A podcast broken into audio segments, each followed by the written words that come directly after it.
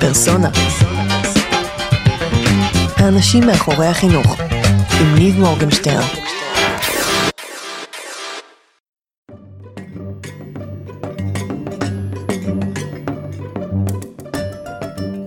היי כולם, כאן ניב, ואתם מאזינים לפרסונה.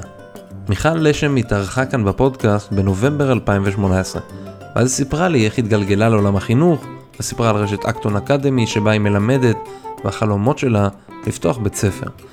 את הפרק ההוא הקלטנו כשהיא יושבת במכונית שלה מול אגם בניו ג'רזי, ואני באולפן של הרדיו הבינתחומי הרצליה כרגיל.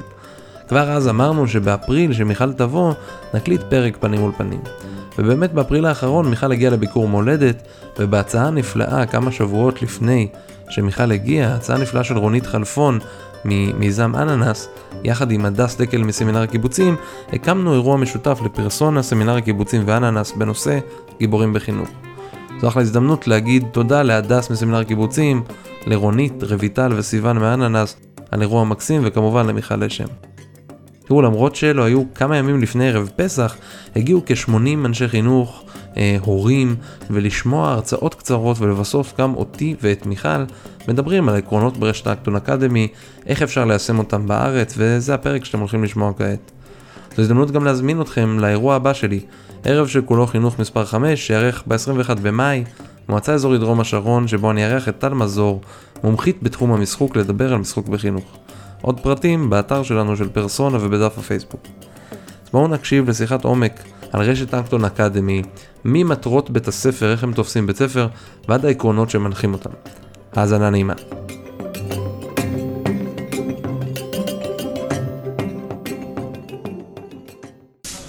מה המצב? בסדר, מודרים? כן, כן, כן. טוב, אז אה, תודה על המזגן קודם כל. אני אתחיל להיות חם. כמו שאתם מבינים, רצינו שיראו אותנו, אז אה, איתרנו, עם הדבר הכי טוב שיש לנו פה בסביבה. עכשיו אני אגיד רק איזה מילה, סיוון בהתחלה תיארה את זה נורא יפה, זה התחבר פה, התחבר שם.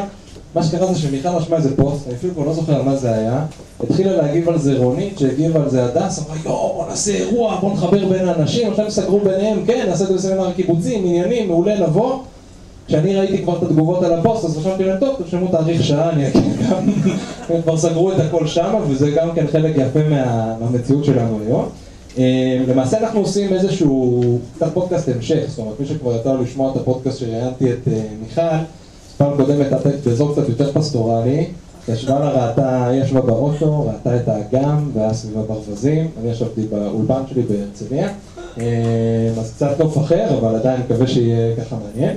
אבל נצלול ישר כי זמננו קצר ומלאכתנו מרובה, והיינו רוצים להגיע גם לאיזה שולחן עגול או שתיים, לראות איך מורידים את זה לקרקע. אז קודם כל זו פעם שנה שאני פוגש את מיכל, אני לא יודע מה איתכם.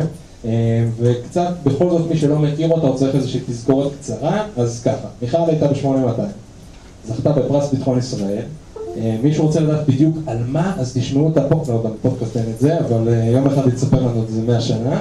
החליטה להשתחרר והלכה להיות מורה בבית ספר לחינוך דמוקרטי ברעננה. ולפני כמה שנים, כמובן ארה"ב התחילה לחקור את העולמות של בתי הספר, היה לה פתאום איזושהי מוטיבציה גם, נכון, לפתוח בית ספר, לדבר על מה, מי, מו, איך ולמה, ובדרך היא פגשה את אקטון אקדמי. זה נראה כמו האקתון, אבל זה לא, זה אקטון אקדמי. ברשת שיש לה יותר מאיזה 100 בתי ספר, מוקדים כאילו ברחבי ארה"ב, ונדבר על עקרונות ההקמה. קצת ועל הדברים שראיתם גם בפרסומים, ובא לי להתחיל דווקא ממטרת בית ספר. כי כשאנחנו באים להקים בית ספר, ויש פה המון אנשים שעוסקים בחינוך בכל מיני כובעים, אז אנחנו שואלים, למה בכלל בית ספר? אנחנו לוקחים את זה כמשהו מובן מאליו, נכון? צריך בית ספר, אנחנו הולכים אליו וכן הלאה, אבל מה המטרה שלו? אנחנו שואלים את השאלה הזאת ומקבלים כל מיני תשובות. חלק מדברים על ה... סליחה? בייביסיטר. חלק מדברים על הבוגר הרצוי, חלק מדברים על עולם התעסוקה, מדברים על כל מיני כובעים, ובאקטון נתנו לזה תשובה מאוד מאוד מעניינת. את רוצה רק להגיד את זה? כן, אז בעצם התשובה של אקטון, מה עם מטרת בית ספר, זה הדבר הראשון שמשך אותי כשבכלל הכרתי את אקטון, ובאמת הרעיון הוא שכל ילד שנכנס לבית ספר הוא גיבור, והמטרה של אקטון היא בעצם ליצור איתו את מסע הגיבור שלו בחיים. והראינו שבעצם לכל אחד בעולם יש איזושהי שליחות שלו בעולם, אה, והמטרה של ה-12 שנים האלה, מגן חובה עד י"ב, או כמה שעושים אותם, אה, זה בעצם לתת לו את כל הכלים שיאפשרו לו אחר כך אה, לממש את השליחות שלו בחיים. באנגלית זה נקרא, אנחנו קוראים לזה Hero's Journey. Hero באנגלית יש איזו קונוטציה קצת שונה מאשר גיבור בעברית. גיבור זה תמיד, הרבה פעמים, זה נורא נורא, כן, וגם הגיבור הצבאי שהוא, שהוא באמת פחות המקום, אבל כשבאמת הרעיון הוא להסתכל על כל ילד עם כל מה שהוא מביא, עם החוזקות שלו והחולשות שלו והלקויות שלו, והדברים שהוא אוהב והדברים שהוא לא אוהב, כגיבור, אמיתי. ותחשבו כמה זה מרגש להסתכל על ילד כגיבור, ולהאמין שהוא באמת, יש לו משהו משלו, שהוא בא לתת לעולם. ואת זה המטרה היא ב-12 שנים האלה לגלות. אז בואו נראה גם קצת לפרקטיקה של זה, מה זה אומר בפועל? זאת אומרת, זו הגדרה מדהימה, ומה, איך היא באה לידי ביטוי? אמ, אז זה באמת יריעה מאוד רחבה. אקטון זה בעצם אה, בית ספר שהוא... אמ, בוא נלך אולי דרך מסע של גיבור. בוא ניקח ילד או ילדה שהצטרפו, נכון? אז שדיברנו, אמרת שהצטרפה זה ילדה בכיתה ה' לדעתי. נכון. אז מה קורה? אני ילדה בכיתה ה', הייתי עד אה, כיתה ד' במערכת החינוך הציבורי. אני מגיעה פעם ראשונה לאקטון אקדמי בניו ג'רזי, ומה קורה? אז אה, ילדה בכיתה ה' שמגיעה עם כל המטענים שהגיעו לבית הספר הציבורי, אה, זאת ילדה שבאופן ספציפי אין לה לקויות למידה, הייתה תלמידה מאוד חזקה, ובסוף כיתה ד' החליטה שפשוט נמאס לה, שמשעמם לה, שלא טוב לה, אה, שהיא לא מרגישה שהיא מביאה את מה שהיא צריכה, והצטרפה אלינו. ובאמת, הדבר הראשון שצריך להבין באקטון זה שסדר היום מחולק לשניים, ובעצם זה שני עולמות שונים. האזור הראשון זה מה שאנחנו קוראים לו core skills, לימודי ליבה. אמ, שזה קריאה, כתיבה, מתמטיקה, ששם כל ילד מתקדם בקצב שלו. עכשיו אני אומרת מתקדם בקצב שלו, זה היום שאני כבר בתוך הסיפור הזה, זה שמונה חודשים, זה מדהים אותי שלא כל הבתי ספר מלמדים ככה. אבל הרעיון הוא שכל ילד יושב מול פלטפורמות אונליין, מגוון פלטפורמות אונליין, זה יכול להיות Khan Academy, Lexia, DreamBox, יש עשרות היום, מעולות, שישבו טובי מומחים, טובי פדגוגים ומומחי המתמטיקה בעולם ובנו אותם. הם תואמים כאילו לקוריקולום גם, כאילו, נכון, בארצות הברית אנחנו מדברים פה, הם תואמים לקוריקולום בארצות הברית והכל, כאילו אפשר להתקדם לפיהם. בדיוק, וכל ילד עומד בקצב שלו, ואותה ילדה שהגיעה בכיתה ה', התחילה מגן חובה, עסקה אקדמי של גן חובה, והתקדמה לאט לאט לאט בכיתות, עד שעכשיו היא אגב באמת במקבילה של כיתה ה', אבל מה שמדהים בסיפור הזה שכל ילד מתקדם בקצב שלו, זה שלכל ילד יש את המקום להעמיק במה שהוא צריך להעמיק ולהתקדם איפה שהוא יכול לרוץ, ואז ילדים שהם יותר מתקדמים מהר בדברים מסוימים, גם ילדים מחוננים ולא רק, יכולים לרוץ בחומר ולא צריכים לחכות ל-28 ילדים אחרים שיחכו איתם, אה, שיגיעו אליהם, וילדים שמתקדמים לאט יותר יכולים באמת לקבל את הזמן ואת המקום, להתקדם בקצב שלהם. ואני אומרת לכם, באמת, בתור מי שרואה את זה כבר שמונה חודשים, זה מדהים, הסיפור הזה, כמה שזה עובד. ואין שם מורה שמלמד, אין מורה שמלמד מתמטיקה, אין, אין מורה שמלמד אנגלית ואין מורה שמלמד קריאה ואין מורה שמלמד כתיבה ובאמת כל ילד מתקדם בקצב שלו. אז בואו נראה רגע יום כזה, זאת אומרת איך מתחיל היום, מגיעים ב... שמונה וחצי. שמונה וחצי בבוקר, ומה קורה? יש רבע שעה של פתיחת בוקר, אה, שבדרך כלל זה מה שנקרא דיון סוקרטי, שגם על זה אפשר להעמיק מאוד, אני לא, אני לא אעמיק על זה פה, זה, זה, זה שיטה מאוד מאוד מעניינת לפיתוח אה, חשיבה ביקורתית ויכול הדיון. מי, מי אה, מוביל את המפגש בוקר? המדריך. אוקיי. והוא משותף לכל הסטודיו, זאת אומרת כל נגיד סטודיו של תלמידי יסודי לומדים ביחד, זה יכול להיות עד 30 ילדים פחות או יותר. בסטודיו שעושים את הפתיחת בוקר הזה ביחד. זאת אומרת אין כיתה, קודם כל גם אין, דבר כזה כיתה, זה נקרא סטודיו, אוקיי? אין מורה, יש מדריך. נכון, והלמידה היא רק גילאית. אה, שאני מקווה שאני אגיד על זה מילה אחר כך, אה, ואחר כך יש באמת שעה וחצי של core skills, זהו, זה שעה וחצי ביום, זה לא שלוש שעות, זה לא ארבע שעות, זה שעה וחצי ביום שבו הם לומדים מתמטיקה, קריאה וכתיבה. באותה שעה וחצי? באותם שעה וחצי. איך מספיקים? מספיקים, מספיקים מלא, זה מה שמדהים, שמספיקים מלא, שכשנותנים להם לרוץ בקצב שלהם, וכל אחד לומד במה שהוא צריך ומה שהוא אוהב, אז מספיקים מלא. אוקיי. אמ, כל ילד גם מחליט לעצמו מה הוא לומד, ילד יכול להחליט שביום ראשון הוא לומד, לא יום ראשון, הוא חופש, אבל יום שני הוא לומד רק מתמטיקה, יום שלישי הוא לומד רק קריאה, רק כתיבה וכולי וכולי. ולפי איך, אה, אני עוצר אותך פה, זה כיף, אבל אה, לפי מה, לפי מה מחליטים מתי לומדים, איך כל דבר? זאת אומרת, לא, לא בא לי עכשיו שלושה שבועות ללמוד מתמטיקה. זו שאלה מעולה, וזה באמת מאוד מתחבר לסיפור הזה של המקור מוטיבציה הפנימית. בגדול, האמונה באקטוני שכל ילד לומד, לומד הכי טוב מהמקור של מוטיבציה פנימית מהעניין שלו. אמ, זה אומר שיכולים להיות שבועיים שבהם ילד יגיד, או ילדה תגיד, לא בא לי ללמוד מתמטיקה, נמאס לי. אני תקועה שם עם השברים, אני לא מצליחה להבין איך מחברים שברים עם אותו מכנה או אותו מונה. לא מצליחה, לא מצליחה, לא רוצה לראות את זה יותר, והיא תעשה רק שבועיים קריאה וכתיבה. אה, אבל אחרי שבועיים היא תחזור. אוקיי. אה, זאת אומרת- את אומרת את זה מתוך הניסיון, זאת אומרת, מתוך מה מה שאת רואה גם בפועל. נכון, אני אומרת את זה מתוך הניסיון, ואני גם אומרת את זה מהמקום שבאמת יש יתרון מאוד גדול בללמוד בפלטפורמות האלה, הן מאוד משחקיות. מי שמכיר, רוב הפלטפורמות אונליין הן מאוד משחקיות, הן מושכות מאוד את הילדים ללמוד, זה מאוד כיף, באמת, כאילו זה חלק מהסיפור שזה כיף. אה, ואני כן אגיד רק מילה, אני לא ארחיב על זה, אבל מי שמעניין אותו אפשר להרחיב על זה מתישהו בזמן אחר, זה מתאים מאוד גם לילדים עם לקויות למידה. ויש לי ילד בסטודיו ספציפי שלי אישית, יש גם עוד המון ילדים בסטודיו של ילדים אחרים, שיש לו לקויות למידה לא פשוטות, אה, גם דיסלקציה וגם דיסטרפיה, וזה מדהים לראות את השיפור שהוא עובר, שיטת הלמידה הזאת, עם, עם פלטפורמות אונליין שמתאימות ללקויות שלו. אוקיי, בואו ניקח רגע עכשיו אה, עוד איזשהו נושא בתוך, מה שנקרא, מה זה בית ספר או סטודיו של אה, אקטון אקדמי. אמ, אמרנו שקוראים להם מנחים, למה למה זה מנחה או מדריך? מדריכים, כן, מדריכים. גיידס באנגלית, ולא טיצ'ר, כי הוא לא מלמד שום דבר. כאילו, אני בתור מדריכה באקטון, אני לא מלמדת כלום. אין שום סיטואציה שבה אני עומדת מול כיתה ומלמדת משהו. שום שלב של הקנייה. שום שלב של ו- כזאת. ואם ילד או ילדה נתקעים במשהו, מה הם עושים? אז אה, הדבר הראשון שהם אמורים לעשות זה באמת לנסות לחפש בגוגל. אה, מי שלא מכיר, יש היום אה, מדריכים, מורים, שהם עולים מולך באונליין, ואתה יכול לשאול אותם איזה שאלה שאתה רוצה פחות על כל הנושא של העולם. שמי שלא מכיר יש גוגל, כאילו. בדיוק. אה, הדבר השני שהם אמורים לעשות זה להיעזר בחברים שלהם, שפה אנחנו מגיעים לעיקרון מאוד משמעותי באקטון, שזה באמת, מי שמנהל את הסטודיו זה הילדים. הסטודיו הוא שלהם, הוא לא של המדריכים, והם שם אחד בשביל השני במובן הכי בסיסי של המילה, של, ממש גם העיצוב סביבת למידה וגם כל מה שקשור ל... אה, אה, להחזיק את הקהילה הזאת חיה. אה, ובאמת, אם, אז, אז דבר, דבר השני שהוא אמור לעשות זה לפנות לילד אה, לידו ולשאול אותו. בתוך אותו סטודיו, והילדים הקטנים פונים לגדולים, ולפעמים הגדולים פונים לקטנים, וזה תלוי באיזה נושא, וזה באמת קורה מכל הכיוונים. מתי? תני לנו דוגמה לנושא שמישהו גדול פנה לקטן. אה, יש לי פשוט ילד, ב, יש לי ילד בכיתה ג' שמאוד מתקדם במתמטיקה, ולפעמים הילדות בכיתה ד' וה' פונות אליו, שאלות. פשוט, כן, זה. קשור- זה באמת לא קשור תמיד לגיל. אגב, באנגלית זה אותו סיפור, גם ב-reading ו-writing, הרבה פעמים, זאת אומרת, לפעמים הילדים היותר בוגרים ילכו להתייעץ על דברים מסוימים מהילדים היותר קטנים, וזה לגמרי משהו שקורה. והדבר השלישי בהנחה שזה לא עזר וזה לא עזר, אז הם פונים למדריך, וכשהם באים אלינו, אז הש- השאיפה היא, היא לא שאני אענה על השאלה באופן ישיר. זאת אומרת, הוא שואל אותי איך מחברים שברים למכנה, אז אני לא, זה לא השלב שבו אני אתחיל להסביר את זה, למרות שאני יודעת, אמ, אלא אני אנסה איתו לנסות להבין איך הוא יכול למצוא את התשובה לבד. אומרת, לנסות להבין מה הוא עושה עד עכשיו, מה לא עבד שם, ואיך אנחנו למצוא דרך שבה הוא בעצם כן יצליח למצוא את התשובה לבד. השאיפה היא לא לייאש אותם. זאת אומרת, אין שאיפה שילד יישב מתוסכל בכיסא שלו וכאילו יחרוץ אה, את הציפורניים על הקיר, זה לא זה.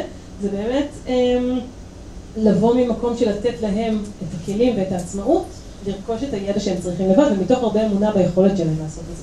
ובפרקטיקה, איך זה היה בשבילך? זאת אומרת, התחלת השנה, נכון? לומד שמה? ואיך זה היה בשבילך להיכנס לתוך מקום, שילד בא ושואל אותך שאלה, את יודעת את התשובה. כאילו זה ברור לך, זה 32. מה... זה נראה לי הדבר הכי קשה אה, בסיפור הזה בשבילי. אה, היו לי כמה דברים מאוד קשים במערכת אקטון, אבל אני מאוד אוהבת ללמד. זאת אומרת, זה חלק מ... זה חלק ממי שאני, גם אני מאוד מאוד אוהבת להסביר ולהעריך בהסבר הרבה פעמים, ופה זה ממש לא הסיפור. אה, הי- היו המון פעמים שכבר באתי לענות, ואז אמרתי, רגע, אבל אולי לא, ו... תני לנו מקרה ספציפי. יש? אמ, יש בטוח, כאילו. כן, יש הרבה, לחלום. יש הרבה, אני- חושבת שהדבר הכי בסיסי זה, גם- הילדים ישר רואים את זה, שהם באו נגיד ושאלו איזו שאלה במתמטיקה, והדבר הראשון שאמרתי זה, לפני שעניתי אמרתי, רגע, אבל ראית סרט? ואז היא אמרה לי, לא. אז אמרתי לה, אה, אוקיי, אז את רוצה שנראה ביחד? אז היא אמרה, "כן, אז ראינו ביחד, ואז היא עשתה הכל לבד. היא לא התעסקה אותי בכלל. זאת אומרת, לפעמים צריכים רק את הראית הסרט הזה, שזה, שזה, כאילו, שזה משהו קטן, וגם אני חייבת להגיד שמאוד מעניין ומאתגר זה לא לענות לשאלות היותר אוטומטיות. אמ, שם קוד, מה עושים עכשיו, או אמ, אה, אפילו איפה הש- איפה השירותים, כאילו שאלות קטנות כאלה שלפעמים שואלים כי הם רגילים לשאול, במיוחד ילדים שמגיעים ממערכת שכל הזמן עונים להם לשאלות. ברגע שמפסיקים לענות לשאלות, התלות הזאת פשוט... אה, מה מה את עושה? בא ילד ואומר איפה השירותים, איך אמרת לו? תסתדר? לא, אתה לא יודע, אתה יודע. כן, כן, היום. נגמר בארבע. בדרך כלל זו שאלה שמפסיקה, לפחות מפסיקה להגיע, כאילו, מה שנקרא, מהר מאוד במהלך השנה. בתחילת השנה פשוט הייתי אומרת לו, שאלת את אה, בירפיס, או שאלת ילדה אחרת, והיא אמרה לא, אז ואז הייתה שואלת, והם היו הולכות ביחד, וזה גם היה חלק מה- מהסיפור. יש על זה, על הגישה הזאת שאומרת שלא לשאול שאלות ולהיות למעשה הדמות הזאת שדוחפת קדימה, האמת שכתבו על זה לפני, אני חושב בערך 200 שנה, תתפסו אותי במילה, ז'אק רנסייר, אם מישהו במקרה שמע את השם הזה פעם, אז הוא דיבר על המעבר בין המורה המסביר לבין, אבל לא זה קצת, אה, מנתחים את זה קצת יותר קיצוני, המורה שכופה את רצונו. כאילו אומר שכל מה שאני צריך לעשות עם תלמידים זה להגיד להם תלמדו בהצלחה, והם כבר ימצאו את הדרך ללמוד את זה, הוא הצליח ללמד ככה קרוב ל-200 סטודנטים, הוא לימד אותם צרפת, סטודנטים שמדברים רק פלמית, צרפתית, עם אה, ספרים אה, דו צדדיים, והם הצליחו להגיע כאילו לרמה מאוד מאוד גבוהה דרך, ה, דרך הדברים הזה, זאת אומרת זו גישה מאוד מעניינת. בואו נלך רגע קצת מספרים, כמה ילדים יש בסטודיו, סליחה, אין סטודיו, כמה ילדים יש בסטודיו? אז אה, בסטודיו יש בין אה, שישה, שבעה ילדים בסטודיו הקטנים, זה סטודיו שאני מלמדת אותו למקסימום 35. אקטון זה micro-school. micro-school זה אומר שבבית ספר יסודי, זאת אומרת, לצורך העניין גן חובה כיתה ה' יהיו 35 ילדים, ב middle school יהיו 35 ילדים, ב high school יהיו 35 ילדים. כלומר, סך הכל כל הבית ספר הוא סדר גודל של 120 ילדים, וזהו. זה כאילו בית ספר מא' עד אה, י"ב, יהיה בו מקסימום 120, וכמה אנשי צוות זה? אה, שניים- על כל סטודיו של 35 כאלה. אוקיי, סבבה. אה, אני כן חייבת אפשר להגיד לעשות את המכפלות כאילו לצורך העניין לבתי ספר רגילים. זה נכון, השאיפה של אקטון היא להחליף את המערכת הציבורית לא על ידי זה ש... זאת אומרת, או להיות אלטרנטיבה למערכת הציבורית, על ידי הרבה בתי ספר קטנים. שבעצם כל אחד מהם מייצר קהילה משלו, של ילדים שגדלים ביחד, גדלים ביחד מכיתה א', לא משנה, גם חובה כיתה א', גדלים ביחד עד, עד י"ב, ומין קהילה חיה כזאת, אה, שבאמת מלווה אותם בכל השלבים, לאורך כל השלבים האלה. אבל מה עושים פה עם סוגיות חברתיות? כי בסוף לדוגמה, אני רואה את זה בהרבה בתי ספר שאני עובד איתם, ובאמת אפילו בתי ספר, לצורך העניין גדולים כמו בארץ, שאתה פוגש פתאום ילדה, ילד בכיתה ה' ו', והם אומרים, אבל וואי, אני לא יכול, והילד הזה והזה מציקים לי, אני לא מצליח להסתדר בכיתה הזאת מכיתה א'. עכשיו כאילו, לחשוב זה בכיתה ו', לפחות יש איזה נחמה, עוד מעט החטיבת ביניים, יש reshuffling, מה הם עושים שהם עכשיו צריכים להיות ביחד עד התיכון? אני חייבת להגיד שכל הסוגיות החברתיות בעיניי זה, באקטון זה באמת משהו שהוא הוא אולי אחד הדברים הכי חשובים שמתעסקים בו. השאיפה היא לייצר קהילה שהחברים שלה הם, הם חיים ביחד בצורה הכי מכבדת ומקבלת. אה, וזה אומר שאין כזה דבר ילד שמציקים לו ואף אחד לא שם לב, זה לא עובד, אין, אין כזה דבר, זה פשוט לא קורה הדבר הזה. אה, יש להם, את- זאת אומרת, כמו בית ספר דמוקרטי בעצם בתחילת כל שנה, אה, כל סטודיו מחליט לעצמו על החוקים שלו, אה, על החוקים של הסטודיו, ומי שאוכף את החוקים האלה זה הילדים אוכפים את החוקים של עצמם. יש להם גם כלים לעשות את זה. אה, נגיד? אמ, אז אמ, בעצם יש להם אה, מנגנון שנקרא eagle bucks, eagle bucks זה כאילו סוג של בעצם אה, כסף שיש להם, שהם מרוויחים בכל מיני דברים, ואז עם הכסף הזה הם יכולים לצורך העניין לדרוש אחד מהשני אמ, כסף כזה, אם מישהו מפר את החוזה, זאת אומרת, לצורך העניין נגיד אחד הסעיפים של החוזה הוא להיות kind אחד לשני, ואז נגיד שילד לא היה kind, אז הילד השני אמר לו, I'll charge you an eagle buck, כאילו אני אקח ממך eagle buck אחד. וזה איום כזה, שהרבה פעמים הוא עובד, ו, ובדרך כלל אגב גם הם לא מגיעים למצב שהם של בולינג, וזה פשוט מקומות שלא מגיעים אליהם, כי, כי הקהילתיות היא משהו כל כך כל כך כל כך משמעותי. הם באמת לומדים להיות חברים אחד של השני במובן הכי בסיסי של לחיות ביחד ולקבל אחד את השני. אמ, אבל זה מנגנון שמאפשר להם באמת פשוט להיות אחראים אחד על השני, ובעצם אה, לוודא שכל אחד מהם עומד בחוקים שהם קבעו. אוקיי. טוב, אני רוצה שנעבור רגע לעקרונות שדיברנו עליהם, אבל לפני זה, היתרון של אה, פודקאסט ב live, שאתם יכולים לשאול שאלות. קיבלתי פה ביקורות מכמה מאזינים שהם אומרים לי שהם מדברים אליי בפודקאסט ואני לא עונה, אז, אה, אז יש כאן הזדמנות לשאול שאלות על, המבנה יותר של הבית ספר, ואז נצלול לעקרונות. אני אחזור רגע לשאלה, כי אנחנו גם מקליטים, בסדר? והשאלה הייתה, מה דומה, אם יש איזושהי גישה דומה בארץ למה שיש באקטון אקדמי. לא, אין, אין, אני גם אגיד שגם בארצות הברית משהו שדומה, אקטון הוא שילוב של כמה גישות, הוא שילוב של, אה, יש בו הרבה מונטסורי, יש בו הרבה דמוקרטי, אה, יש בו קצת עקרונות אנתרופוסופיים, ויש בו קצת עקרונות מהחינוך הרגיל, אה, וזה סוג של שילוב שלהם, אני, זה משהו שאני מאוד אוהבת אה, באקטון, וגם אני אגיד שהוא באמת, מאחר שהוא כבר קיים, אני לא, לא אמרנו את זה בהתחלה, אבל זו רשת שקיימת כבר עשר שנים. זה לא התחיל שנה שעברה, אז יש פה הרבה מאוד גם מיילד שעבר של, של, של בתי ספר שעשו עבודה ועוד ועוד ועוד שיפור של זה, שזה מאוד הפך להיות system. אבל אין משהו ש... תודה. וואו, כמה ידיים, חבל הזמן. אוקיי, השאלה היא מה העלות, מה השכר לימוד? אז אקטון אה, רואה את עצמו אלטרנטיבה לחינוך ציבורי, חלק ממשהו, חלק מהסיפור זה שהשכר לימוד הוא מאוד נמוך ביחס לבתי ספר פרטיים בארצות הברית. אה, השכר לימוד נע בין 700 ל-900 דולר בחודש. אה, מי שמכיר בתי ספר פרטיים בארצות הברית זה בדרך כלל בין 4,000 3,000-4,000 דולר בחודש, אז זה משמעותית יותר נמוך. אמ, אני יכולה להגיד שחלק גדול מהאקטונים, גם האקטון שאני עכשיו מקימה, זה עמותה ללא כוונת רווח. שזה אומר שאין לו שום כוונת רווח, וכאילו ככל שנוכל להוריד את השכר לימוד עוד, אז פשוט נוריד אותו עוד ועוד בהתאם לתרומות שנקבל. תחפשו מקומות מימון, אה, מקורות מימון. נכון, אבל השאיפה היא להיות אלטרנטיבה זולה. איך נראה המשך היום אחרי שעת וחצי לימודי ליבה? אוקיי, אז אה, בעצם יש אה, איזשהו free time ו lunch שהם יכולים לאכול, וכל יום יש איזשהו special אחר, זאת אומרת יש פעם בשבוע קבוע שיעור אמנות, ופעם בשבוע קבוע שיעור ספורט, ופעמיים בשבוע קבוע אזרחות, civilization, ואז אחרי הצהריים זה הזמן של quest. quest זה למידה מבוססת פרויקטים, אה, זה בערך שעה, בין שעה וחצי לשעתיים ביום, ובעצם כל שישה שבועות אנחנו מחליפים פרויקט, אה, ועושים פרויקט לנושא אחר, ובאותם שישה שבועות הם מתעסקים כל השעתיים האלה בסוף היום בפרויקט הזה. זה יכול להיות פרויקט בנושא, הפרויקטים משתדלים להיות פרויקטים שקשורים לעולם האמיתי, כמה שיותר קרובים לעולם האמיתי, בגלל זה חבל לי שיוני לא פה, אבל, אבל זה מאוד מאוד מהדהד את מה שהוא אמר, מאוד. במה? בקבוצה, לא, בקבוצה, בקבוצה. כל העשייה חוץ מהפורסקי זה עשייה קבוצתית, בכל מיני קבוצות, לפעמים הקבוצות הן קבוצות קצות מחולקות בכל מיני צורות. אמ, אז יש לנו פרויקט אדריכלות, ופרויקט בילוש, ופרויקט יזמות, ופרויקט coding אה, ורובוטיקה. זאת אומרת, גם כן יש פה רגע משהו שנראה לי חשוב לחדד, כל מה שקשור למיומנויות בסיס, שהם קריאה, כתיבה, מתמטיקה, אני מפספס משהו? אה, הדברים האלה נעשים באופן פרטני לפי הקצב האישי בהתקדמות האישית. וכל שאר ההתנהלות, איך מתנהל הסטודיו, דרך איזה פרויקטים אנחנו עושים, זה בצוותים. נכון. עם האינטריגות של צוותים, ועם הקשיים של צוותים, ועם, ועם, ועם הכיף של עבודה בצוות. נכון. מעניין, איך עושים מדידה והערכה בעולם הזה, כשכל אה, ילד הוא הגיבור של הסיפור שלו. מדידה זה אחד הדברים הכי מדהימים באקטון. אה, אני אגיד שלושה דברים. אחד, כל ילד... זה מצחיק, כי הרבה מורים באמת שואלת אותם, מדידה זה הדבר הכי נורא. אז כאילו זה... אה, אני אגיד ככה, קודם כל, כל בוקר כל ילד מגדיר לעצמו את היעדים שהוא רוצה לעמוד בהם באותו יום.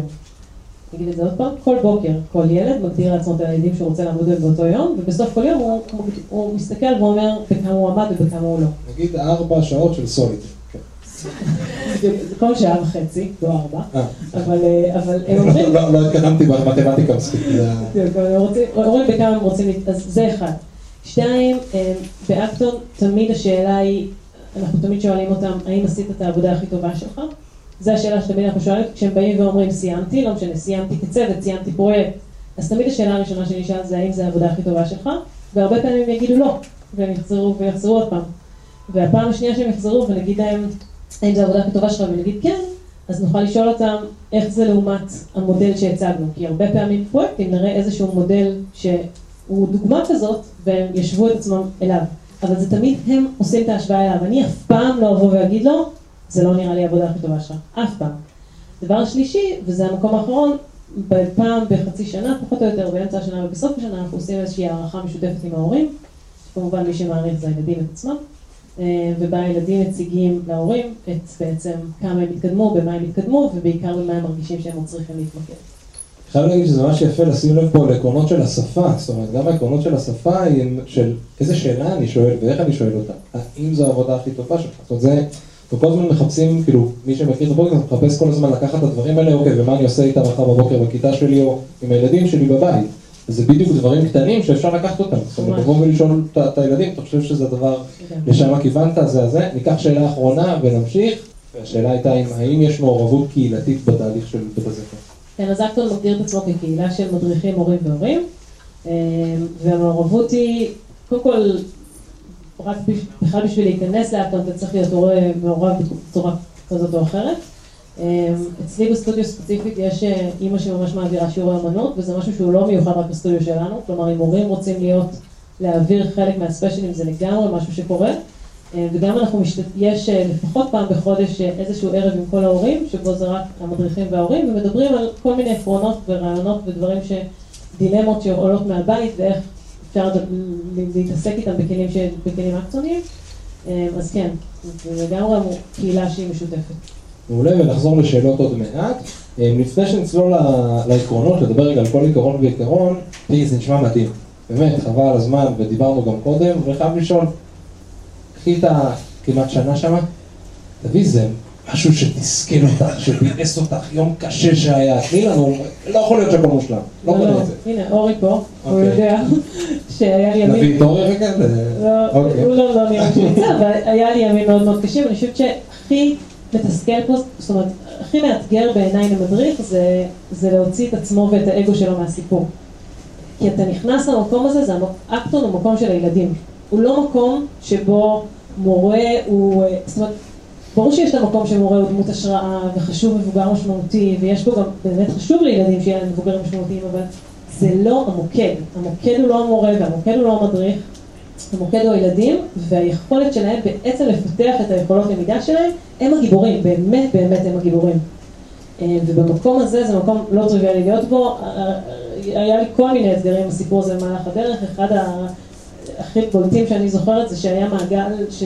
מעגל אזרחות, שלי אזרחות, זה, זה היה הנושא שהכי הפחיד אותי, גם בגלל, כאילו זה באנגלית, אז אזרחות באנגלית זה באמת, כאילו, מאתגר, והם לא היו, הם לא היו, הם לא היו במקום, הם לא היו בסיפור, לא היה להם כוח, הם הכי כאילו עשו צחוקים ודחקות, הם היו חמודים והשתוללו, ואני הרגשתי שאני מאבדת את זה לגמרי.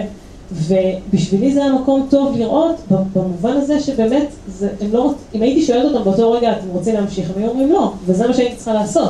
אבל מה עשית? ואני התעקשתי. התעקשת, כאילו המשכת את המעגל. כן, יש אוקיי. פוסט מאוד עצוב על זה בבלוג, אה, אתם יכולים לקרוא אותו. טעות. לא, מה שנקרא, ממש, אח- אחר כך? התעצבנתי ונעלבתי וסתם, בלי, מה שנקרא, באמת אה, בלי סיבה. ואני חושבת ש... ואחרי זה שדיברנו על זה, ואני דיברתי על זה איתם, וגם הסברתי להם, הם היו לגמרי במקום של, הם בכלל לא היו שם, בטח שלא במקום של להעליב, הם היו פשוט, בסדר, כאילו הם היו במצב רוח טוב וחמודים ועשו צחוקים, כזה, ילדים. אה, ואני חושבת שהיה שם משהו שאני הבנתי שלהיות איתם, בנוכחות איתם, זה משהו מאוד מאוד משמעותי. אוקיי, תודה. אה, בואו נדבר קצת על העקרונות. אז יש כמה עקרונות, הם רשומים לכם על על התגים, מי שלא שם לב. נתחיל מהעיקרון הראשון שבא לי לדבר עליו, כי אין להם איזה סדר, כאילו, וזה אה, שימוש בדרגות חופש כדי לעודד מוטיבציה פנימית של הילדים. סלוגן מדהים, מה זה אומר? טוב, דרגות חופש. אז מה זה אומר דרגות חופש? דרגות חופש זה בעצם אומר שאנחנו באקטון מניחים שיש ילדים שיכולים להתמודד עם חופש ויש ילדים שלא. יש ילדים שיש להם את, המשמעת הפנימית ואת הבשלות הרגשית להגיד, אני היום מלמד את זה ואת זה ואת זה, ומחר את זה ואת זה ואת זה, ואני מבין מה התהליך למידה שאני רוצה להגיע אליו, ואני עושה אותו. ויש ילדים שאין להם את זה, ושאם ייתנו להם כל היום לעשות מה שהם רוצים, אז הם לא יעשו הרבה, או לא יעשו כלום. אה, והרעיון בעצם שדרגות חופש אומר שהילדים שיש להם את היכולת הזאת יכולים לעשות מה שהם רוצים. יכולים ללמוד על הרצפה במטבח, עם אוכל, עם מוזיקה, לא ללמוד בכלל, לצאת החוצה, ללמוד מתחת לעץ, על האדם, איפה שהם רוצים ומה שהם רוצים, ממש מה שהם רוצים.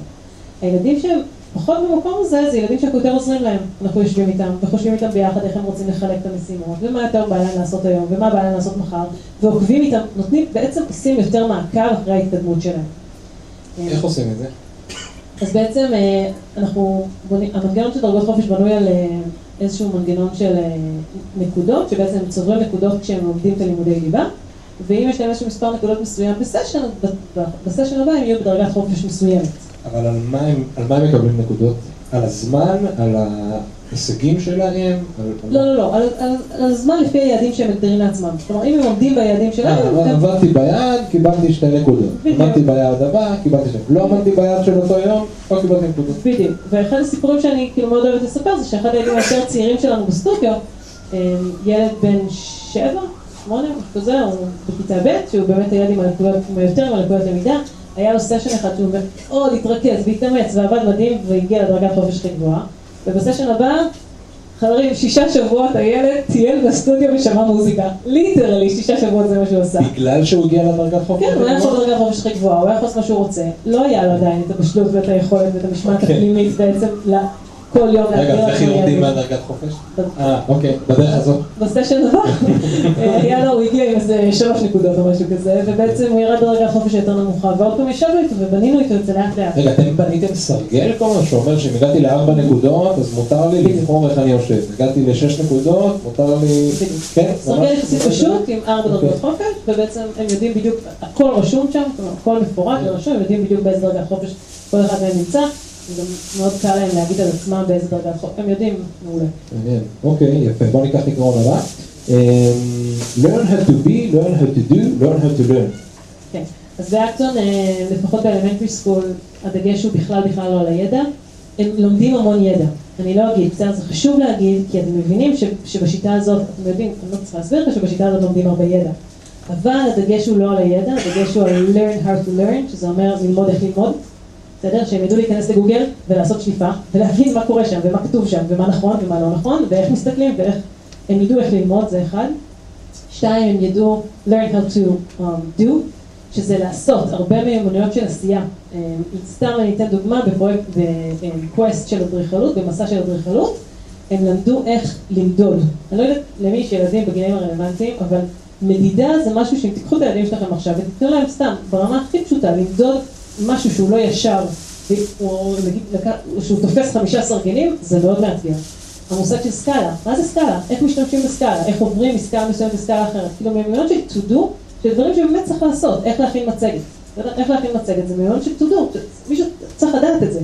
איך לכתוב ספיץ', זה מיומנות של to do, כאילו הרבה מיומנות של עשייה שצריך אותם אה, בעולם הזה, והדבר האחרון זה learn how to be, שזה קשור לכל ה-social ו-emotional skills. אה, how to be a leader, איך אני leader, איך אני, מתי אני מנהיג, מתי אני אה, דווקא follower, מתי אני רוצה ללכת אחרי מישהו, מתי אני בוחר, מתי אני מנהיג, מתי אני לא. איך אני חבר בצוות, איך אני מוביל צוות, אה, איך אני חבר של, של, של מישהו, ומתי אני you know, ומתי אני לא kind, ומה חשוב לי. יש לנו uh, מנגנון של peace table, של כאילו שולחן שלום לפתרון סכסוכים. אה, שזה מאוד משתמש זה, מה במיליון. זה, מה זה, מה זה פיסטי? פיסטייל זה בעצם איזשהו מנגנון שמאפשר להם לדבר, כש- כשיש איזשהו קונפליקט, הם הולכים לשולחן שלום ובעצם מדברים על זה. זה כל כך חשוב? משהו כזה, זה כל כך חשוב, כי היום, אני לא, לא, זאת אומרת, גם במערכת הציבורית בישראל וגם במערכת הציבורית בארצות הברית, אין זמן להתעסק עם social aspects, פשוט אין זמן לזה, אין. אז אם יש ילד שהוא מעליב ילד אחר באופן קבוע, או, או אפילו ברמה של בולינג כמובן, באופן קבוע, זה כמעט לא מטופל. זה יותר, מנסים כמה שיותר להסתדר, שזה לא יהרוס את כל הכיתה, אבל זה לא מטופל. פה זה הדבר הראשון שמטופל. כל פעם שיש סכסוך, הם הולכים לשולחן שלום, הם יושבים, הם מדברים על הרגשות שלהם, הם אומרים מה הם הרגישו, ומה זה גרם להם להרגיש, ומה העליב אותו, והרבה פעמים הם מגלים שזו הייתה סתם אי הבנה. יודע, שמישהו אמר משהו, והוא לא העליב אותו בכלל, הוא סתם התכוון למשהו אחר, וזו הייתה בכלל אי הבנה והכל סבבה, ולפעמים הוא כן התכוון להעליב אותו, והם מדברים על למה, ובכלל כועס עליו מאתמול על משהו אחר. מנגנון באמת מרגש, כאילו, השיחות שלהם, אה, שמאפשר להם באמת לקבל כלים, לנהל את הסכסוכים שלהם, שהם יהיו אנשים גדולים. אה, לא עושים את זה מכולם, אם הם רוצים הם יכולים לבחור ילד אחר שיהיה מדיאטור ויעזור להם, אם הם מרגישים שהם לא יכולים, אבל לא, זה אחד אחד. טוב, ניקח עוד אה, עיקרון אחד. מה אתם אומרים? כל ילד גיבור, תודעת גיבור מול תודעת קורבן, או דגש על הדרך ולא על התוצאה? על זה, זה? אז בוא, נדבר על דגש על הדרך ולא על התוצאה. טוב, אז דגש על היה דרך. פה עוזר חופשי שהדס בחרה. כן. מה אתם אומרים זה? זה- דגש על הדרך- לעשות כסף. דגש על הדרך ולא על התוצאה בעצם מדבר על זה שהרבה פעמים, נגיד במיוחד בפרויקטים, אה, הפרויקט הוא משהו שכל ילד לוקח אותו במקום שלו. מה זה אומר? זה אומר למשל שעשינו פרויקט אדריכלות, אז המשימה שלהם הייתה לתכנן את ה-Dream Acton שלהם, את הבית ספר החלומות שלהם. ובעצם כל משימה, כל ילד עשה אותה ברמה שלו, ופה זה היה, לא זוכרת מי שאל על החלוקה לקבוצות, ואתגר הספציפי הזה חילקנו אותם לקבוצות קרובות בגיל, כאילו הבית גימלים היו ביחד והדלת ה' היו ביחד, ואז הילדים היותר קטנים, היותר צעירים, באמת לקחו את זה ברמה שלהם, והתוצרים היו ברמה של ילדים בכיתה ב' וג', והילדות בכיתה ד' וה' לקחו את זה ברמה שלהם, והתוצרים היו הרבה יותר מרשימים. והמטרה פה היא להגיד שבעצם כל ילד מקבל את מה שהוא יכול לקבל באותו זמן. ואף אחד לא משווה בין התוצר של הפרויקט של ילד בכיתה ב', שעשה שבע קומות בית ספר, עם בריכה למעלה, וג'קוזי, ופארק מים, בסדר? לבין כאילו הילדות בכיתה ד' וה', שבאמת תכננו בית ספר, שכאילו, זה הבית ספר שהייתי מאוד רוצה שהילדים שלי ילמדו בו.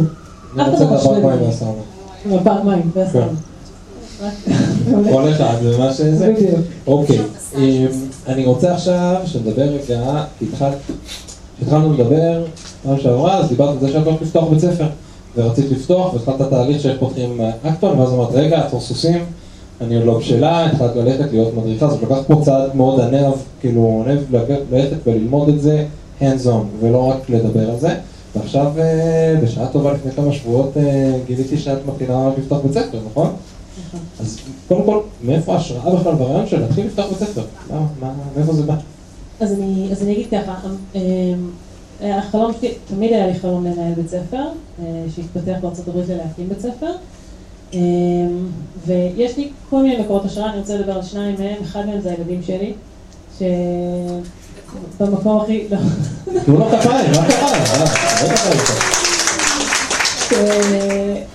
אני, אני באמת רוצה לבנות בשבילם את המקום שאני חושבת ש, שהוא יהיה הכי טוב והכי מתאים להם. אה, והמקור השראה השני שאני רוצה לספר עליו זה מקור השראה של אה, מכתב של ילד אה, בשם נועם, נועם כנפו, שנפטר ב-2014, במאי 2014, וההורים שלו יושבים איתנו פה היום וממש, זה ממש זכות גדולה שהם כאן, סיגל ואריאל. הם פרסמו את המכתב הזה בפייסבוק לפני בערך ארבע וחצי שנים, אני קראתי אותו קצת לפני שנסעתי, ואני אקריא לכם אותו ואחר כך אני אגיד עליו עוד מילה. לכל מי שקורא את המכתב הזה, שלום. אני מתכוון לדבר פה על מערכת החינוך של מדינת ישראל, ועל מה ששגוי בצורה שבה היא בנויה. קודם כל, יש את בעיית חוסר העניין. תלמידים רבים אינם מתעניינים בחומר הנלמד, ועדיין מכריחים אותם להמשיך ללמוד אותו. לדעתי יש לבנות לכל תלמיד תוכנית אישית, שתלמד אותו את אותם נושאים בדרך שהכי תעניין אותו. יש לאפשר לתלמידים בנוסף למקצועות הליבה ללמוד מקצועות מגוונים, לפי תחומי העניין שלהם, כגון אמנות, כתיבה או הנדסה, הנדסת מכונות. ישנה בעיית נוקשות המערכת, בשיטה הנוכחית אין מקום לחשוב, יש מקום רק לבלוע ולהקיא את החומר, לבלוע בכיתה ולהקיא במבחן. לדעתי יש לאפשר חשיבה יצירתית, שיעור שמלמד לחשוב מחוץ לקופסה, לפתור בעיות בדרכים אחרות ולעצב את החלומות שלך. יש גם לאפשר פתרונות יצירתיים לשאלות, ולא לפסול פתרון שהוא לא לפי מה שנלמד בכיתה, אלא לתת נקודות נוספות. ישנה בעיית הציונים. לא הממוצע הכיתתי או הציון בתעודה, אלא העובדה שמודדים ילדים בציונים. כך הילד הופך למספר, ולא מסתכלים על הילד, אלא רק על המספר, מתעלמים מהשונות של כל אדם. כך קורה גם בתיוגים אחרים. ילדים מחוננים למשל סובלים מהבעיה של מחוננים, וברגע שאתה מחונן אתה כבר לא בן אדם עם רגשות, רצונות וחשיבה משלו, אלא מכונה לציונים טובים שלעיתים קורסת מהעומס. בבית ספר אוטופי התלמידים קובעים את שיטות הלימוד שלהם ובוחרים את תחומי העניין שלהם. מלמדים אותם בצורה חווייתית, גמישה, מתאימה את עצמם למצב. חשיבה יצירתית מעודדת, והתלמידים מפתחים את התכונה הזאת. מאפשרים לעצמם לפתור בעיות בצורה ייחודית. ילדים לא נמדדים בציונים, אלא לפי היכולת האמיתית שלהם. ילדים אינם מתויגים ומחולקים לקבוצות, אלא מקבלים יחס שווה ולכולם מתייחסים כבני אדם. לצערי זה רחוק בהרבה מהמצב היום, שבו ילדים מתויגים, נמדדים במספרים ולומדים להיות תוכים, שעושים הכל כפי שלימדו אותם ולא חושבים באמת. וגם אם המכתב הזה לא הגיע לדרגים הגבוהים, אני מקווה שלפחות אדם אחד יקרא אותו. ואותו אדם ידע להפיץ את הרעיונות שלי. כי כך נוצר השינוי, לא בהחלטה שרירותית חסרת משמעות אמיתית, אלא בהפצת הבשורה, מפה לאוזן, מאדם לאדם, עד שכולם ילמדו את האמת. כן, וזה, ובעיקר, כל, כל הדבר הזה שהוא באמת רעיון מדהים, והרבה מהעקרונות שלו אנחנו רואים, אני, אנחנו רואים אותם באקטון, זה גם המשפט האחרון, ואני כל כך כל כך מסכימה איתו, שככה נוצר השינוי. בדיוק ככה. ככה נוצר השינוי. מאדם לאדם ומאוזן לאוזן, ומזה שלוקחים את הרעיון ובאמת מפיצים את הבשורה. מדהים, באמת. אה, קשה להמשיך מזה הלאה, אני חייב להגיד. ברמה האישית, באמת הרגשתי שהיה קשה להמשיך מזה הלאה. אבל הרגשתי שגם אני וגם הקהל לא מיצינו עד הסוף כמה שאלות וסוגיות שרצינו לדבר בהקשר של אקטון אקדמי, אז שמנו נשימה עמוקה והמשכנו. תקשיבו. אה, אז השאלה הייתה למה נסעת? למה דווקא בארצות הברית? אז עברנו לארצות הברית בעקבות העבודה של יאיר, הזוגי שלי, ואני חושבת שאם היה לי כמה שנים שהיה לי ככה התלבטות על למה נסעת זה, אני חושבת שהיום אני, אני במקום מאוד שלם, כי אני חושבת שהלמידה הזאת, טוב שהיא קרתה, וגם הלמידה שאני עושה עכשיו, טוב שהיא קורית. אה, וזה לא אומר שלא נחזור, וזה לא אומר שאני לא אקים פה אקטון, וזה לא אומר ששום דבר, אבל זה באמת אומר שהיום זה, זה באמת המקום הכי מדויק לעשות את זה. החלטנו שתעשה את הניסויים שם, ובואו תבוא תוצאות. שאלה מעולה, והשאלה היא, איך עושים את כל התהליך של הגיוס מדריכים? איך בוחרים אותם, איך מכשירים אותם, איך מלווים אותם? אז... איך אומרים להם לא להגיד איפה שירות?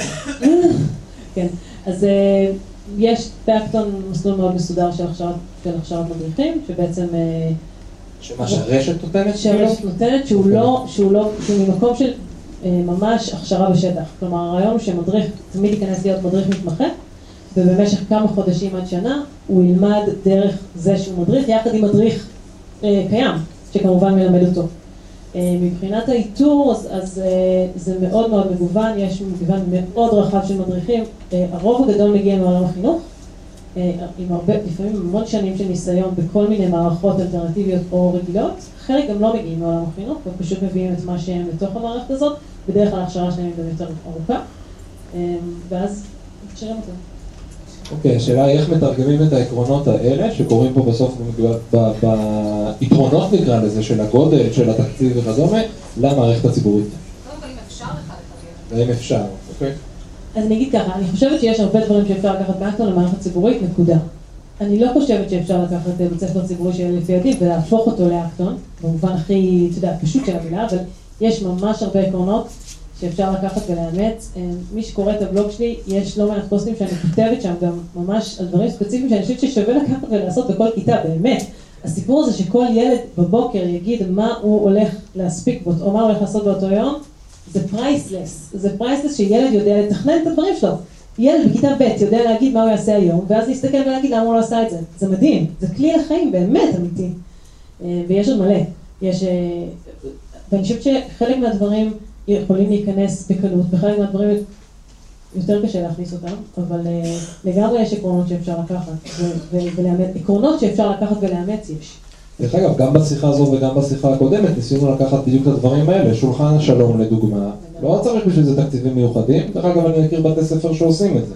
אה, דברים כמו לא לענות על כל שאלה של התלמידים. לא צריך לזה תקציבים מיוחדים. זה עניין של החלטה, כולכם מוכשרים מהיום לא לענות לילדים שלכם ולתלמידים שלכם, תעודה בדרך. כאילו, יש דברים מאוד קטנים שיכולים ליישם אותם בכל אה, דבר ועניין. דרך אגב, כל מה שקשור ללמידה מבוססת פרויקטים, אז יש הרבה בתי ספר שעובדים ככה, יוני דיבר על זה, בתי ספר, אה, אה, יעל ביבר אביעד מבית ספר באלונים, ועוד הרבה בתי ספר אחרים שעובדים ככה כבר היום. אוקיי, האם סובלים מעודף ביקוש של תלמידים, והאם יש תלמידים שלא לא עוברים כאלה, כמו סטנדרט? אה? סובלים מאוד ביקוש שזה נורא תלוי, כי הברית זה לא רק הברית, יש בכל מיני מקומות, יש אקטונים שיש להם רשימת המתנה, יש כאלה שהם חדשים ועדיין לא. אה, לגבי תלמיד שלא מתאים, באמת, אחד הדברים הכי בסיסיים שהם אומרים באקטון כשמתחילים, כשאתה מדבר על להתחיל להקים בית ספר, זה שאין כזה דבר תלמיד שלא מתאים, יש כזה דבר הורים שלא מתאימים. כי הסיפור של התמיכה של ההורים פה, ושל המחויבות של ההורים לדרך, ולא אחרי חודש לבוא ולשאול, סליחה, למה הוא לא אה, במתמטיקה, איפה שזה, אז, אז הסיפור של להבין שצריך לסמוך עליהם, והסיפור שצריך, שבאמת צריך להאמין שהמוטיבציה צריכה לבוא מהם. הסיפור הזה הוא סיפור שהוא מאוד מאוד משמעותי פה, ואי אפשר, אי אפשר, זה, אי אפשר פה חצי. אתה לא יכול להיות, כאילו, להגיד שאתה רוצה, ואז פתאום חודש אחרי זה לבוא ולשאול, כאילו, איפה הציונים, ולמה לא, ואיפה את המדינה. זה נגיד אפשר לעשות לאמץ במערכת החינוך בארץ, וב- כן. אבל אין לי... כן. אז השאלה הייתה האם בגלל שיש סטטיסטית כנראה מעט מאוד בוגרים, האם יש בכל זאת איזה שהם נתונים על, ההתחברות שלהם לעולם העבודה, ההצלחה שלהם בהמשך? יש הרבה פחות מכמה מאות בוגרים. אה, יש מעט מאוד בוגרים עדיין, המחזור הראשון בעצם של אקטון מסתיים שנה שעברה, אה, והשנה מסתיימים כבר כמה מחזורים חדשים, אבל אה, אני אענה על זה שני דברים, א', לא, כי אין הרבה בוגרים. הדבר השני שכן חשוב להגיד, ולא נגענו בו כמעט בכלל, ב middle school וב high school, אחד העקרונות הכי חשובים של אקטון זה שחלק מהלימודים זה שהם עושים apprentice בעבודות אמיתיות. חלק מהלימודים שלהם זה להשתלב במקום עבודה אמיתי, כולל הראיון עבודה, כולל לכתוב קורות חיים, כולל לא להתקבל לארבעה מקומות ולהתקבל לחמישי ואז לסבול מהבוס, כל הדברים האלה זה חלק מהסיפור. זה חלק מהמערכת לימוד? כן, זה חלק, זה חלק משנות הלימודים שלהם, כבר מהחטיבה. ואז בעצם זה נותן להם המון המון המון חיכוך עם העולם הזה, כבר מהגילאים היותר צעירים. אז זה שתי התשובות לי לשאלות, בסדר? אין, אין מספיק בוגרים בשביל שאני אגיד לך זה, הבוגרים שיש הם מדהימים, הם ילדים מעוררי השראה ברמה שאתה מסתכל עליהם ואתה אומר, וואו, כזה אני רוצה, אה, אבל, אבל הם, הם מעטים עדיין, ומצד שני, כל הסיפור הזה של השתלבות בשוק עבודה, כי קולג' זה ממש לא הדבר היחיד שאתה מכוון אליו, אתם יכולים להבין, כי קולג' זה ממש לא מתאים לכל ילד, נכון? בדיוק. אבל חלק מהסיפור זה באמת שב middle school ו high school יש להם את ההזדמנות להשתלב בכל מיני תפקידים בשוק העבודה, וחלקם הולכים לקונדיטוריות ולמשרדי עורכי דין ולחברות סטארט-אפ ול... אה, אה, אה, יש, יש מי שהלך להיות עורך ספרים, כאילו, כל כל מיני, כל מיני, כל ילד והחלום שלו. דרך אגב, גם זה משהו שאפשר לנסות לעשות מחר בבוקר. מי שמכיר את דניאל יהל, היה בפודקאסט פעמיים, יש לו מיזם בשם טימס, עוסק בדיוק בדברים האלה. טוב, ניקח עוד שאלה אחרונה מהקהל, שאלה שלי ונסגור. אז השאלה זה איך יש זמן לעשות את הדברים האלה גם בתיכון? זה פשוט לא... אין, אין שום בחינות שלומדים עליהן בתיכון. אין, אין, אין למידה בבחינות. לא מלמדים בבחינות, גם לא, ב, כאילו, גם לא בתיכון, בשום שלב של התיכון. כן יש הרבה, כל, כל ה-core skills זה משהו שהם לומדים לבד ומתקדמים בו לבד, זאת אומרת, קריאה, כתיבה, מתמטיקה, שזה בעיקר מיומנויות שצריך אחר כך בשביל הבחינות לקולג'. כל שאר הנושאים לומדים דרך פרויקטים, הם לומדים אותם ברמה מאוד גבוהה דרך פרויקטים. יש להם פרויקטים בפיזיקה שבשישה שבועות הם לומדים תוכנית לימודים שלמה של כיתה י' בפיזיקה, באמת, אמיתי. זה פרויקטים ברמה מאוד מאוד גבוהה שדורשים מהם להעמיק מאוד ולעבוד המון, אבל זה לא קשור לשינוי בבחינות. טוב, אני אשאל אותך שאלה אחרונה, ומה עכשיו את חוזרת חזרה עוד מעט? כאילו קודם כל אני פה בחופש בארץ. ואת חוזרת חזרה עוד מעט, ומה הדבר ראשון שאתה הולך לעשות בהקשר של ההקמה של הבית ספר? אני הולכת לארגן את היום מתעניינים, שבעצם הולך להיות בתחילת יוני, שהשאיפה שהוא יהיה, וזה נורא, כן, קיבלתי השראה מהאירוע הזה, והוא יהיה משהו מאוד דומה לזה. רגע, מתי לבוא לפודקאסט? זהו, תראו, בסוף הרבה, מהרעיון לדבר פה מעבר לכמובן לקחת את הסוגיה של ההשראה שהיא מדהימה ומרגשת וגם המקור של המכתב של נועם ולראות איפה הרצון של התלמידים בסוף מגיע ופוגש תהליכים שקורים היום במציאות זה באמת לנסות ולראות איזה דברים אנחנו יכולים לקחת ולעשות מחר בבוקר. אז יכול להיות שלא מחר בבוקר כל בתי ספר בישראל יהפכו להאקתון, לא בטוח גם שזה נכון אבל יש דברים קטנים שאפשר לעשות כבר מחר בבוקר ולא צריך לחכות לא למנדט מראש אגף החינוך או משר החינוך או לא יודע ממי, אלא החלטה שאנחנו עושים משהו שונה בכיתה שלנו, בבית ספר שלנו, עם ההורים שלנו, עם התלמידים שלנו, עם כל דבר שהוא. מיכל, תודה רבה רבה, איזה כיף, ושיהיה לכולם חג שמח